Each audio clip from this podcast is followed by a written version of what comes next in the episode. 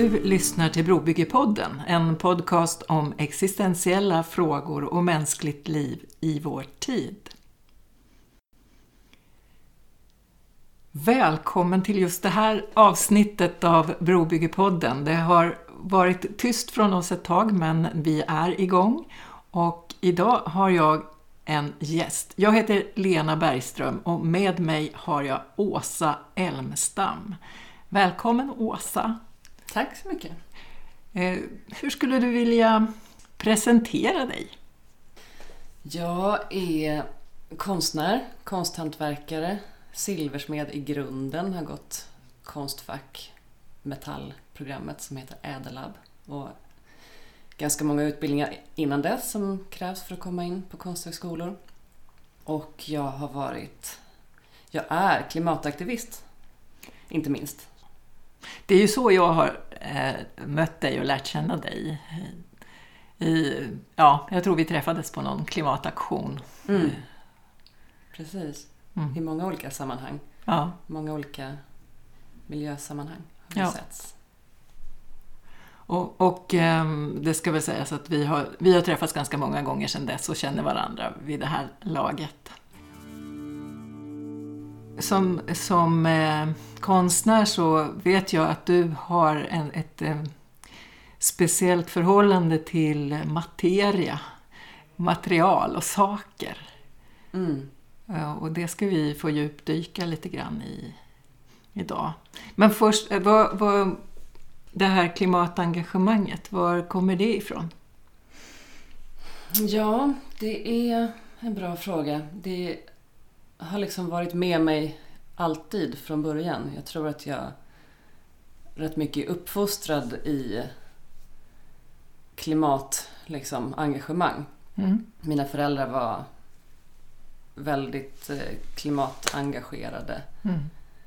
Inte som aktivister på något sätt, men, men sådär, de handlade ekologiskt när det först kom, eller redan innan det kom. Så, så det har varit en liksom viktig del, och en självklar del i deras liv Mm. som jag har fått till mig. Alltså, jag har liksom under hela mitt liv på något sätt levt med känslan av att, att hur vi lever och hur jag är född på 70-talet, växte upp på 80-90-talet. Den tiden där liksom överkonsumtion och Mm.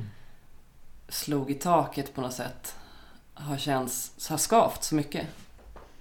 Och det var, det var liksom uttalat i, din, i ditt hem, om man säger så, att det... Ja, in, ja, både uttalat och att det låg där som en grund till liksom, att det kanske inte ens var någonting vi pratade om men det, var, det, var, det är så det är och det är så Ja. det känns i hela min kropp att, Mm. att allting, vårt sätt att leva är så fel. Mm. Du är också förälder. Jag är förälder till tre barn. Spelar det roll? Ja, Konstig fråga. nej det- är inte en konstig fråga men mitt klimatengagemang var ju lika stort innan jag fick barn egentligen. Så att det har inte kommit med barn som jag har förstått att det gör för många andra. Sådär. Utan det blir ju såklart en viktig drivkraft att vilja vara en klimatkämpe för deras skull, för det liksom kommande generationer, Mm. för mina barn. Men det hade jag nog varit ändå. Det är fint. Ska vi djupdyka i det här med, med förhållandet till saker? Om jag bara säger så, vad har du för förhållande till saker? Ja, det, då kan man väl säga, eller då får jag börja med att säga att jag gick en utbildning som handlar om att producera saker. Mm. Även om jag är mer konsthantverkare än, än formgivare och designer så hade jag ändå från början kanske en tro på att jag ville vara med i någon slags produktionsled, att producera Mm. saker. Vilket skapade en enorm ångest när jag slutade skolan, tog min kandidatexamen och sen fortsatte på magistern i, som utbytesstudent i Tokyo.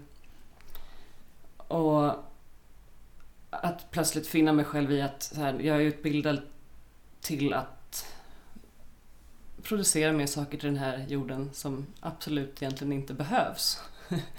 var ju en, en stor ångestframkallande känsla. Mm. Som jag har fått jobba med jättemycket och fått bestämma mig för att omformulera eller komma på nya sätt att jobba och tänka kring vad jag ska göra av det här, den här Mm. utbildningen jag har. Så jag har väl egentligen satt en- uppgiften till mig själv att försöka visualisera klimatkrisen och alla problem som jag ser med överkonsumtion och så i, i konst. Och tycker inte alls om att vara särskilt kommersiell eller sälja, sälja saker. Nej, du, det, jag har ju sett en del av, av din konst och du, ja, men det, du, du har alltid någonting att säga. En, en, en berättelse i, i dina konstverk. Och ibland får man tänka en stund också. Mm. Och, och du förväntar dig det av, av den som kommer på utställningen. Kan man Mm. säga så? Det är lite olika i olika projekt. Jag kan ju själv tycka att det är så enkelt det jag gör. Att det Mm. på något sätt eh, talar för tydligt ofta. Mm. Men där är det alltid svårt att veta eftersom att jag lever i mitt huvud och tycker att jag gör enkla bilder på något sätt Mm. som, som kanske inte krävs så mycket för åskådaren att, att förstå. Men, men ja, det är alltid svårt att veta hur, Ja, hur, hur saker och ting uppfattas av någon annan som inte har tänkt mina tankar. nej. nej, men jag tänker att det är också en, en det, det är också speciellt eh, den, den utgångspunkt du beskriver här, att du är eh, utbildad för att göra saker, men du vill inte göra Mm. saker. Mm. Eh, vad har saker för, för laddning eller för värde för dig? Är det, är det bara kopplat till, till konsumtion? Eller det här att det finns för mycket saker? Eller finns det ytterligare någon, någon dimension av det som, som vi borde lyfta fram här också i början? Ja, just nu är jag ju inne i en process som är väldigt speciell. Där min mamma gick bort för ett år sedan. Och hon var också konstnär. Konstnärer tenderar ju att samla på väldigt mycket material och med väldigt mycket saker. Och hon hade samlat på extremt mycket saker. Mm. Och jag har fått ta hand om hennes hem. Jag är sist kvar i det här släktledet. Jag har inga syskon, mina föräldrar har inga syskon och så. Så jag har fått hantera hela min släkts saker som hon har sparat. Mm. Vilket jag har hållit på med ett år. Och det har blivit, det har varit tungrot och det har varit en process, en sorgeprocess som har varit väldigt nyttig och det har också lett till att jag är liksom ännu mer emot.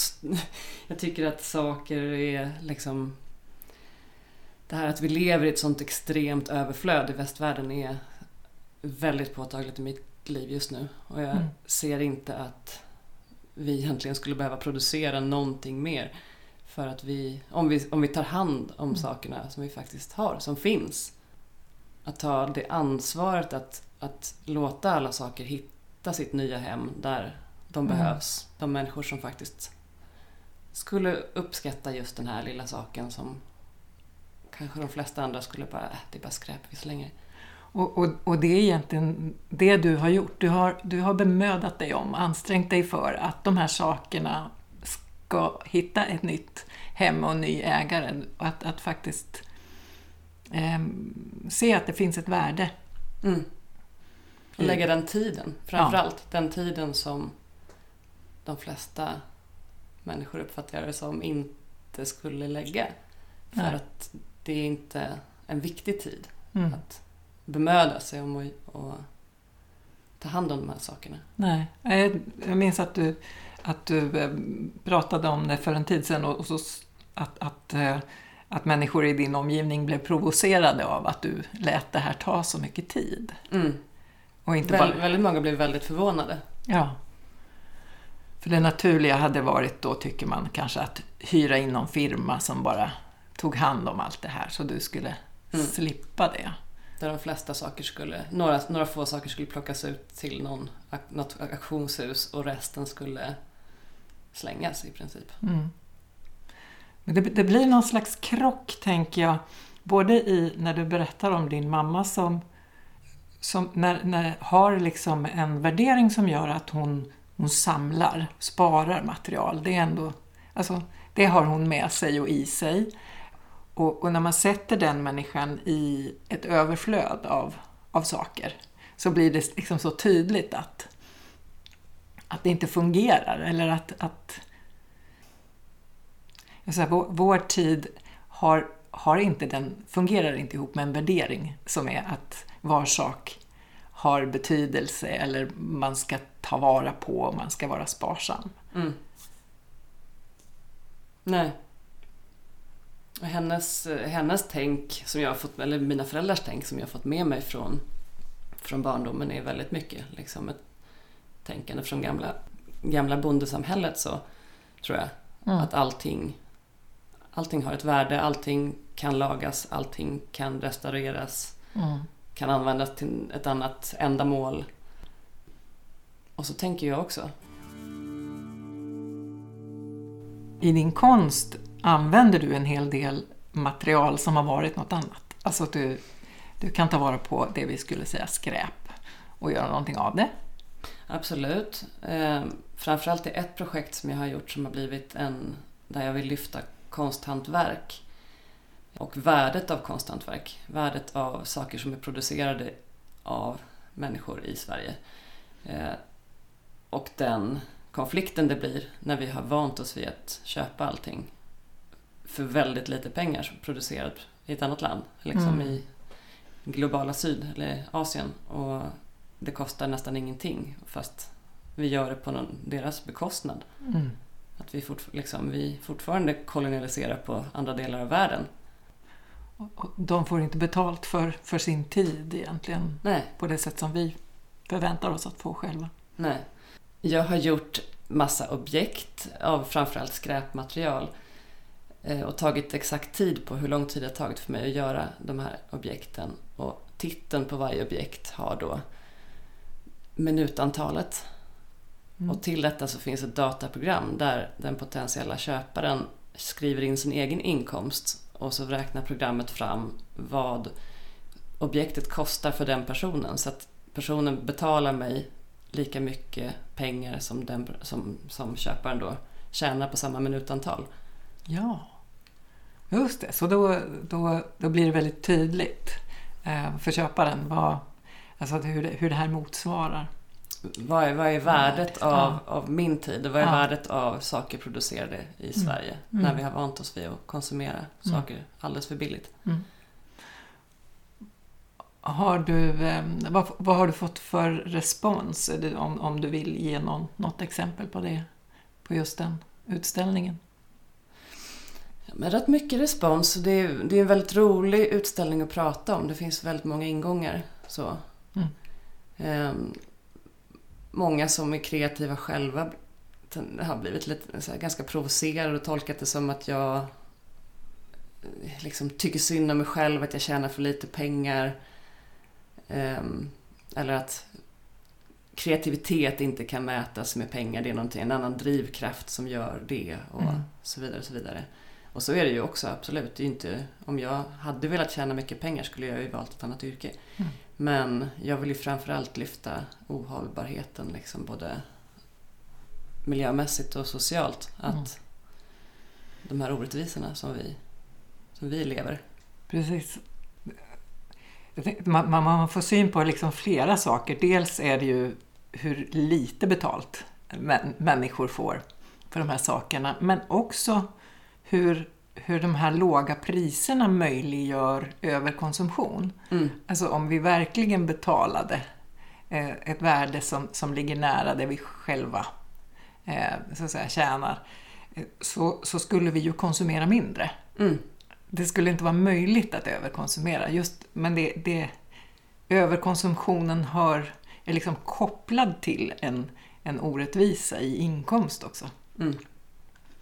Ja, men det där, det där behöver man liksom få syn på. Att det handlar inte bara om att, om att saker är billiga eller dyra, utan det handlar om vår, vårt förhållningssätt till tid och materia och ytterst då till eh, jordens resurser. Mm. Ja, vi... vi eh, ja, men folk frågar ofta mig hur jag överlever, vad jag tjänar pengar på. Och där är jag ju kreativ också på något sätt. Det, det går alltid ihop sig. Jag lever jätteväl fast jag lever kanske på en tiondel av vad, vad andra människor lever. Men det handlar ju också om att jag inte är intresserad av att konsumera. Mm. Om jag inte konsumerar så behöver jag inte lika mycket pengar. Och jag har ju Mm. snarare svårt att förstå hur andra människor lyckas konsumera upp sin höga lön Mm. varje månad. Ja, hur, hur... Alltså umgås du bara med folk som tjänar ungefär lika mycket lite som du? Eller, eller eh, rör du dig också bland människor som har, som har en, en hög inkomst? Och, och, Absolut, men jag rör mig i väldigt många olika sammanhang. Det är ju alltid lättare i de sammanhangen där vi har liksom, människor som också har kreativa yrken och har en förståelse för den typen av ekonomi. Att vi har samma förutsättningar och man, liksom vet, mm. vet hur saker och ting... Hur, hur vi lever. Vi lever väl ungefär likadant. Mm. Det är lättare att förstå varandra. Och även i klimatsammanhang såklart. Ja. Så det, är- det, är- det är skilda världar. Det Mm. är ibland svårt Mm. Mm. att kastas mellan dessa liksom, miljörörelsen som är medveten och nästa dag vara ute i samhället i någon slags här, den här konsumtion, hamna i den här konsumtionshetsen som väldigt många andra.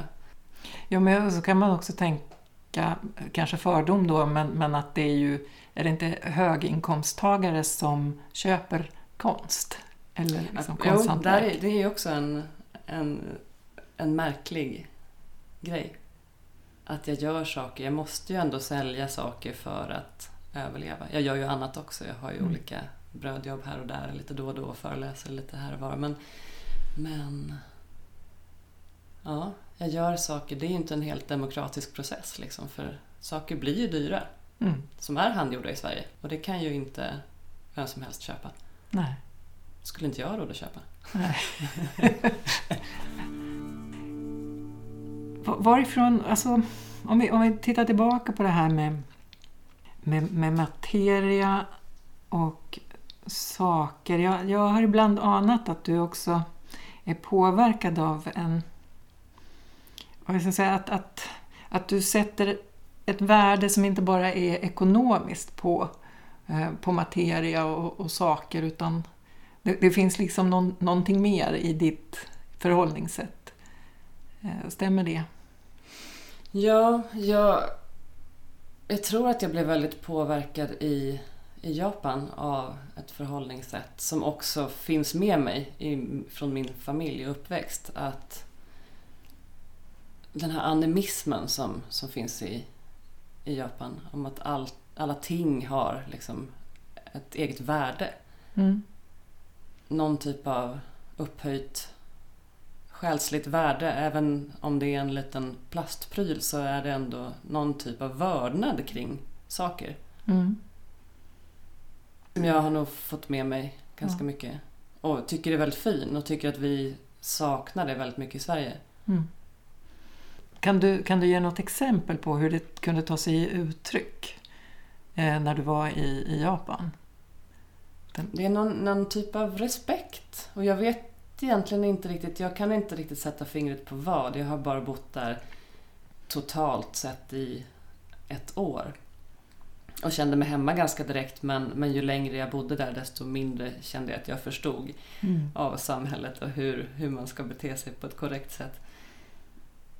Men känslan kring liksom hur, hur allting paketeras, hur man, hur man ger gåvor till varandra och har ett vördnadsfullt bemötande och en respekt inför en respektfullhet, Mm. även yrkesmässigt. Människor som jobbar med kanske helt oansenliga saker har ändå en eh, stolthet kring sin, sitt yrke Mm. som är väldigt fin, som genomsyrar hela samhället. Det, ja, precis. Och det, det är någonting, vördnad och respekt är ord som du, som du använder. Och att den vördnaden in, Alltså delvis handlar det om en respekt mellan människor, men att den också... Det har också att göra med förhållandet till, till att, att, att tillvaron är, är, och tingen är besjälade på något, något sätt som vi kanske inte är vana att, att tänka. Jag klurar på den här heter hon Marie Kondo, mm. som, som hon kallas att hon städar fast hon väl egentligen röjer ut hela hem. Mm. men men hon, hon pratar om att i den där processen när folk ska gå igenom sina hem så ska de lägga händerna på tingen och så ska de behålla dem om de eh, har en spark of joy. Ja, spark joy. Det är sånt där. På något sätt så har ju hon hon är ju en kommentar till överkonsumtion också. Att, mm. att, att man, bara, man ska ha saker runt sig som, som talar med en på något mm. sätt. Eh, eller så kan man också tänka att, att hon uppmärksammar att också det då som är för mycket och som vi inte tycker om, och, eh, det talar också med oss, mm. fast på ett negativt sätt. Mm. Det blir för, för trångt, för vi får inte riktigt plats. Att det kan också ha någon slags ehm, grund i den här animismen eller alltså att saker pratar med oss, kan man eh, väldigt förenklat säga så. Ja, ja, jag har inte läst eller sett så jättemycket om henne, av henne men jag, just det där Does it spark joy finns ganska mycket i mitt liv och jag försöker använda mig av det. Jag försöker också liksom reducera saker i mitt eget liv. Mm. Det känns som en, en, en befrielse på något sätt att bara äga det som jag verkligen behöver, som jag verkligen tycker om. Ja. Och få mer tid över till annat. Men saker tar tid är ju också en, en liksom kunskap i det här att det, eller det, det vi äger lite grann äger oss tillbaka. Mm. Så är det ju. Det är, det är inspirerande. Jag lyssnade på ett eh, Researchers Desk-samtal för några veckor sedan med Gurgin som är någon en typ av influencer mm. som har downsizat och bor i en husbil och gjort sig av med allt, allt han äger. Det är, är väldigt inspirerande. Mm. Hoppa av ekorrhjulet för att inte gå med på det här. Om vi inte, om vi inte konsumerar behöver vi inte samma inkomst och då man kan leva friare. Och... Ja, det, det där är, är lockande, är det inte det? Att, att tänka sig att det är möjligt. Eh, du nämnde Researchers Desk. Då ska jag också säga att det är eh, Researchers Desk samlar eh, forskare och sänder föredrag varje lunch. Ons, varje onsdag, onsdag lunch. lunch Klimat, kring klimatet. Kring klimat. Framförallt, framförallt mm. klimatforskare. Mm. Om någon är intresserad så kan man söka på Facebook eller researchersdesk.se. Men det, det, det, där, det är ju utmanande med minimalismen och eh, möjligheten att, att faktiskt leva ett annat liv. Eller en annan annan slags liv. Och du nämnde ordet eh, att det är befrielse, att du kände befrielse. Ja, när du, när du liksom får, får göra dig av med eller klara dig med mindre saker. Mm. Ja, det känns också en, en... Eh, när jag har gått igenom min mammas hem väldigt noggrant och hittat hem liksom jag hittar en bok här och jag hittar en, en sak där som jag tänker på en person att den här, den här saken skulle uppskattas av den här människan och så mm. se till att det händer. Eller mm. säljer väldigt mycket saker. Det är en otrolig... Dels för att liksom, ta hand om sakerna som kanske till och med har ett kulturhistoriskt värde. För min mamma hade väldigt mycket äldre, gamla saker som, mm. som uppskattas av folk. Mm det finns människor som samlar på allt. Ja. Men då lämpar jag å andra sidan över mina saker på någon annan. Men det är en enorm tillfredsställelse att, ta hand om sakerna. Och det ska väl också sägas att det, att det här handlar ju inte om att saker i sig är någonting dåligt. Det är att ha, att ha för mycket saker, framförallt för mycket saker som man inte sätter värde på. Mm. Det är där mm. någonstans det börjar skava. Mm. Nej men det, vi skulle ju, om, om en annan marknad kommer till så småningom i omställningen så skulle vi kunna restaurera och göra om det vi har och följa trenderna med de sakerna, liksom restaurera saker till, mm. till det vi, hur vi vill att det ska se ut i all mm. oändlighet. Här i västvärlden, vi har ju inget behov av att skaffa nya, liksom producera något mer. Och, och, och, det tycker jag är, är, spännande i, i möte med dig är ju också att du, det är ju liksom inte, men du, du är ju fortfarande intresserad av, av design och, och att eh, och kreat, alltså kan, kreativitet behöver inte betyda att man måste ha nytt material. Utan kreativitet kommer till uttryck hur man använder det man redan har, eller mm. det som redan finns. Och, och eh, en omställning skulle ju där, där liksom blir det ju ett stort värde i att, att kunna eh, återanvända och se, se möjligheter i det som redan finns och hur vi kan använda det på nya sätt. Släppa fram den typen av kreativitet både i oss själva och hos andra. Mm.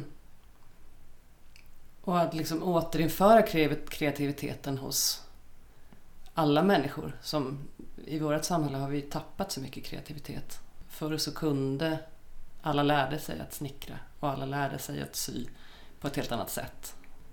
Man sydde, man lagade, mm. snickrade sina möbler.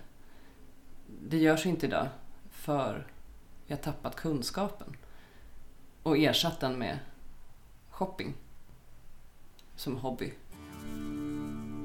Och att det gör oss ju inte lyckliga. Däremot så blir man ju lycklig av att skapa själv. Det visar forskning att bara så lite som att skruva ihop en egen IKEA-möbel. Om jag har skruvat ihop den själv så tenderar jag att tycka om den lite mer. Ja. Än, än om jag man bara får någonting till sig. Ja. Och det man då har skapat helt själv får ju ett helt annat värde. Mm. Ja men det kan jag verkligen sådär spontant hålla med om. Jag tillverkar inte särskilt mycket. men när jag lyckas med någonting blir jag ju orimligt eh, stolt. Att sätta värde på den typen av, av kunskap och färdigheter. Som, jag tänker kanske den också... Att det, det var så självklart att den kunskapsöverföringen var så självklar tidigare så att man såg den inte. Och att, att därför som man tappar bort det. Och det kan ju ha att göra med hur man tar vara på mat och allt möjligt. Att, att, eller odling som, som nu börjar bli mer och mer eh, populärt. Så, så är det ju liksom ett glapp där, där många av oss inte alls har haft någon relation till, eh, till den kunskapen. Det är liksom vi köper bara mat i affären. Allting hör ihop på något vis. Mm. Ja, vi behöver liksom komma tillbaka till grunden vad, om var saker kommer ifrån. Var vi mm. kommer ifrån kanske? Att allting inte är som vi pratade lite om innan vi började sända där. Att även saker som är kemiskt framställda eller gjorda av fossil fossilier till en ny plast mm. finns ju inte i all oändlighet. Alltså vi, den, det som finns är det som finns på den här jorden. Allting är naturliga material från början. Mm. Och det är liksom fortfarande samma atomer och molekyler vi, vi håller på med på något sätt. Mm. Och omformar, men har en liten förståelse för vad, vad det egentligen är och var det kommer ifrån. Och när vi då också omformar det till material som väldigt långsamt bryts ner igen, som till exempel plast, så blir ju det också ett, ett, ett stort problem, att vi lämnar efter oss skräp istället för någonting som ingår i kretsloppet väldigt tydligt. Mm. Och då blir eh, förmågan att, att göra någonting nytt med det där materialet eh, en, en, en ganska väsentlig. Alltså att om, om vi kunde använda plastskräpet posit, eller kreativt till, till någonting som går att använda igen. Och det, det pågår väl ändå en sån? Absolut, det gör det ju. Men det är också ingår ganska mycket greenwashing i det där kan jag tycka. Ja, Det är greenwashing. väldigt mycket företag som utnyttjar den, Mm. den typen av marknadsföring. Att den här, de här plaggen är gjorda av återvunna petflaskor. Ja, Men fortfarande, det är en, en ny produkt. Som Ja, inte hade behövt, behövt finnas där. ah, så tänker du. Mm.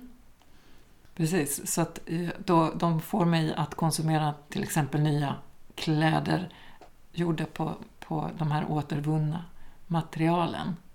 Fast jag egentligen inte behövde nya kläder. Mm. Mm. Ja, men det, det här är ju sådana här bry, brytpunkter där man måste vä väga det ena mot det andra lite grann. Eh, naturligtvis kan man på ett sätt säga att det, det är klart att det är bättre att använda plasten till någonting än att inte använda den alls. Men om vi använder det till sånt som vi ändå inte behöver, då, då är vi fortfarande i, i någon sån här överkonsumtionsekonomi. Jag, försöker, jag pratar, försöker förstå själv här. Men en sak som jag tycker blir, blir spännande i, i dina resonemang kring saker, det är att eh, du- du inledde med att, att eh, du, det blev liksom en, en motsättning i dig att du, när du förstod att du hade utbildat dig till att producera saker, för, för du också har, du, du liksom ser den här överkonsumtionen och att vi, vi behöver inte mer saker. Men, men det, det handlar inte om att du tycker saker är, är ingenting värt eller värdelöst på något sätt, utan snarare att du faktiskt sätter värde på saker. Alltså, att du, du, du ser den enskilda materialets eller sakens värde och vill, vill respektera det. Eh, och, och du ser att när vi konsumerar massor, då finns inte utrymme. Där, där någonstans. Alltså det är inte för att du inte tycker om saker, utan för att du tycker om saker. Kan man ja, säga så? Ja. det, det är väldigt eh, märkligt det hela. Jag tycker ju om att omge mig med, med vackra saker. Men i denna, detta överflöd av saker så, så tappar ju varje föremål sitt värde. Mm. Så är det ju. Och vi behöver uppvärdera, liksom. Inte vara så bortskämda med att se att vi, vi kan konsumera och slänga och köpa nytt och slänga. Utan värdesätta det vi har Mm. och ta vara på det vi har. Så, alltså det är som självklart på ett sätt att, att eh, i, ett, i ett tomt rum eller mot en kal vägg och så ett enda föremål, då lyser det ju fram Mm på ett helt annat sätt än i ett, ett rum där det står tillsammans med, med mycket annat. Så, så överflödet i sig förminskar liksom värdet hos, hos det vi har eller äger och ser. Ja, och jag är ju väldigt intresserad av, av liksom det kulturhistoriska värdet kring saker och bevarandet, byggnadsvård och så vidare. Mm. Och vi måste hushålla med resurserna. Mm. Det handlar ju framförallt om att jag att det är svårt att se en framtid i att den här tilltron till evig tillväxt som, som Mm. genomsyrar vårt samhälle. Och där, där ekonomi egentligen då betyder hushållning. Mm. Att hushålla med resurser. Pratar vi cirkulär ekonomi då kanske? Djupdyka. Tänk det var ordet som, som, som kom för mig igen här. Att det är någonting med hur vi Vi har sagt ordet värdesätta många gånger tror jag. Sätta värde på. Vad vi sätter värde på är ju också en, en religiös eller vad ska man säga, existentiell fråga. Det finns ett bibelord där Jesus säger samla inte skatter på jorden där mask och mal förstör och tjuvar bryter sig in och stjäl. Samla era skatter i himlen.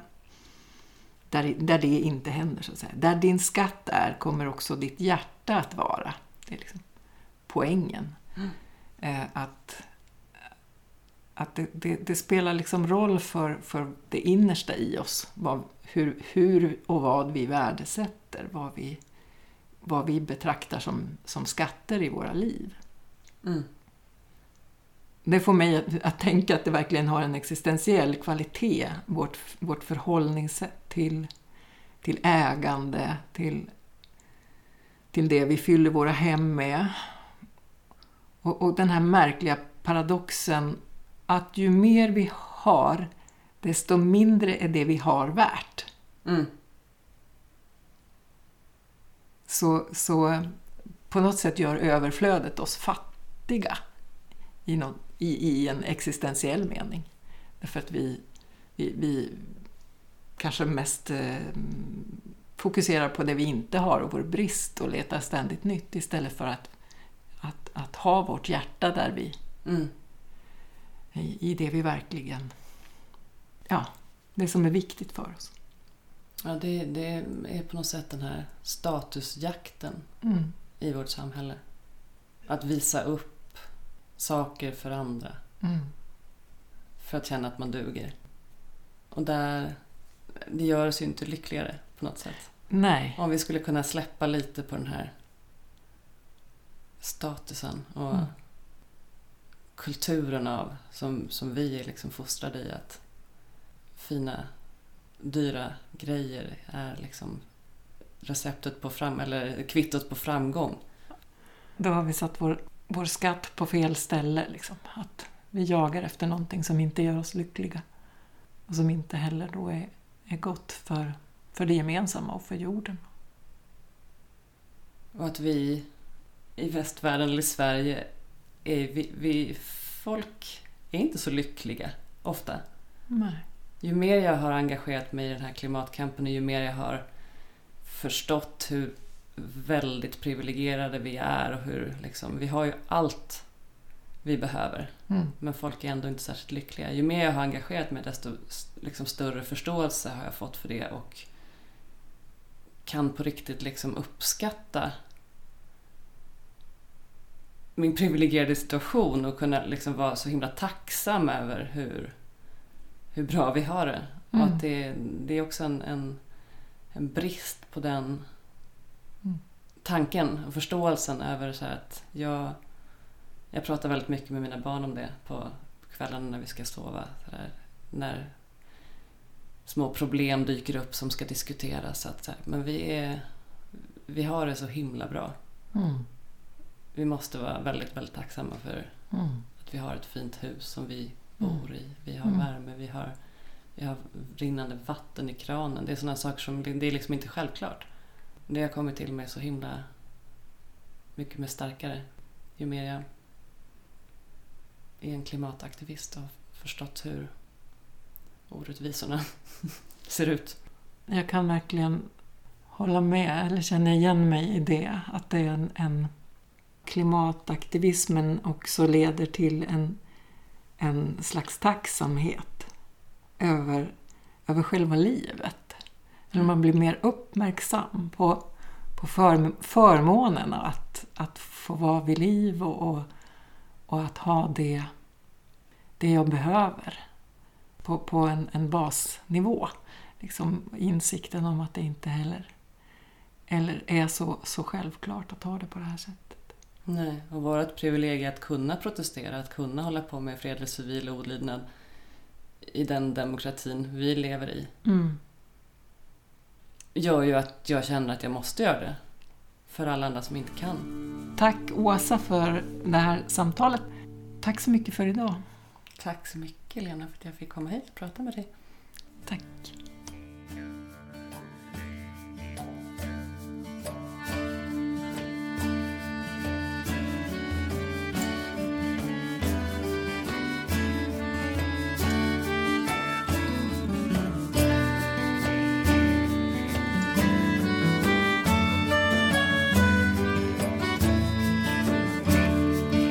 Lyssna gärna på Brobyggepodden.